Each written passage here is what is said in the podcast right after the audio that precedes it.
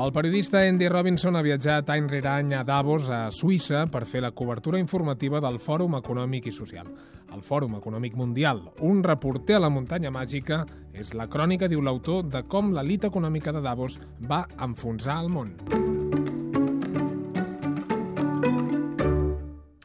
Un reporter a la muntanya màgica està editat per Ariel. La història comença a la Salp, explica Robinson, l'antic sanatori de tuberculosos i asmàtics que va inspirar a Thomas Mann la muntanya màgica, la seva inquietant alegoria sobre catàstrofes imminents i règims caducs en vies d'extinció. En aquest context, la nova crisi global es desplegava davant meu, fonent-se amb el paisatge glaçat dels Alps suïssos. Des dels antics balnearis de la Salp, reconvertits ara en establiments de wellness, Robinson observa els Davos Men, tornant de les pistes d'esquí mentre quatre trompistes amb gorres emplomallades interpreten la benvinguda wagneriana. Homes i dones de l'elit econòmica mundial, amb sous centenars de cops més elevats que els dels seus treballadors mitjans. Tot i que el WEF, World Economic Forum, pot debatre sobre la desigualtat i la sostenibilitat com a qüestions filosòfiques, parlar de control sobre els salaris dels Davos Men segueix sent de molt mal gust. I és que els homes de Davos, o Davos Men, es mostren tan compleguts amb les seves fortunes com ignorants de l'altra cara de la moneda.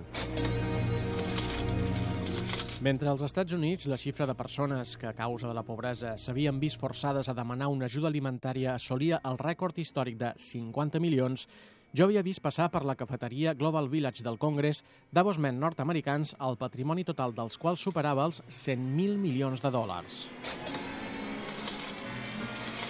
Alts executius i consellers delegats de multinacionals, brokers, banquers o gestors de fons especulatius de Wall Street amb patrimonis personals de més de mil milions de dòlars.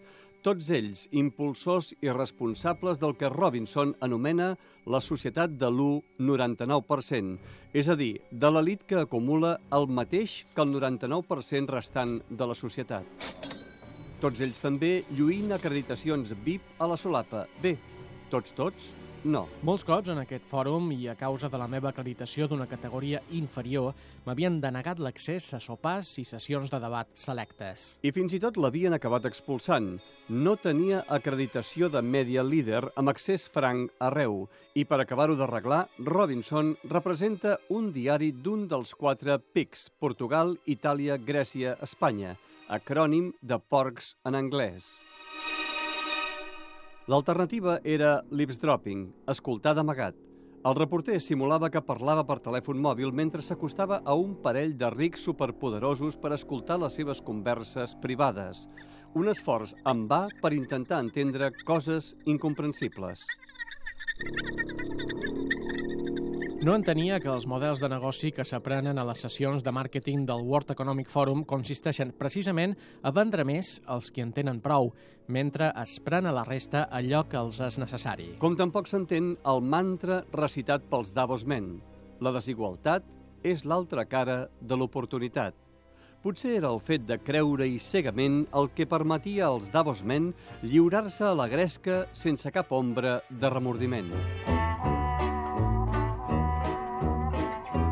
Després de les formalitats i els debats sobre la desigualtat, seguien les gresques desenfrenades als hotels fan de Siecle a la Promenat, molts d'ells, igual que el Schatzalp, vells sanatoris per tuberculosos que potser en la seva època d'esplendor van allotjar els malalts d'aquell club de mig pulmó.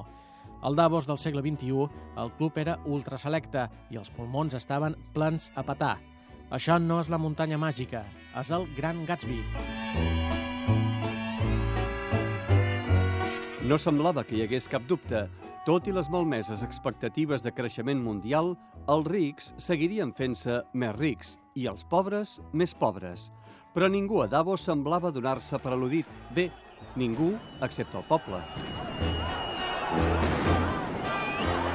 Tot plegat un grapat de joves, com el meu amic Fac Weff, diu Robinson, que s'enfrontaven durant unes hores a centenars d'antiavalots suïssos armats fins les dents, però ni els crits de protesta destorbaven el Congrés, ni els periodistes es molestaven a esbrinar què havia fet enrabiar a tota aquella gent. Malgrat l'enormitat de la injustícia, l'enriquiment sense precedents en la història d'una elit financera i corporativa durant una crisi creada pels seus excessos, la socialització de bilions d'euros de pèrdues privades que han passat una factura impagable als ciutadans, Davos semblava estar gaudint de la impunitat més absoluta. Lluny de fer salut, les reiterades visites a la Salp fan que Andy Robinson experimenti nàusees, excessos de febre i atacs incontrolables d'angoixa i perplexitat, com Hans Castorp, el personatge de Thomas Mann, heroi de la muntanya màgica. Un reporter a la muntanya màgica d'Andy Robinson, editat per Ariel.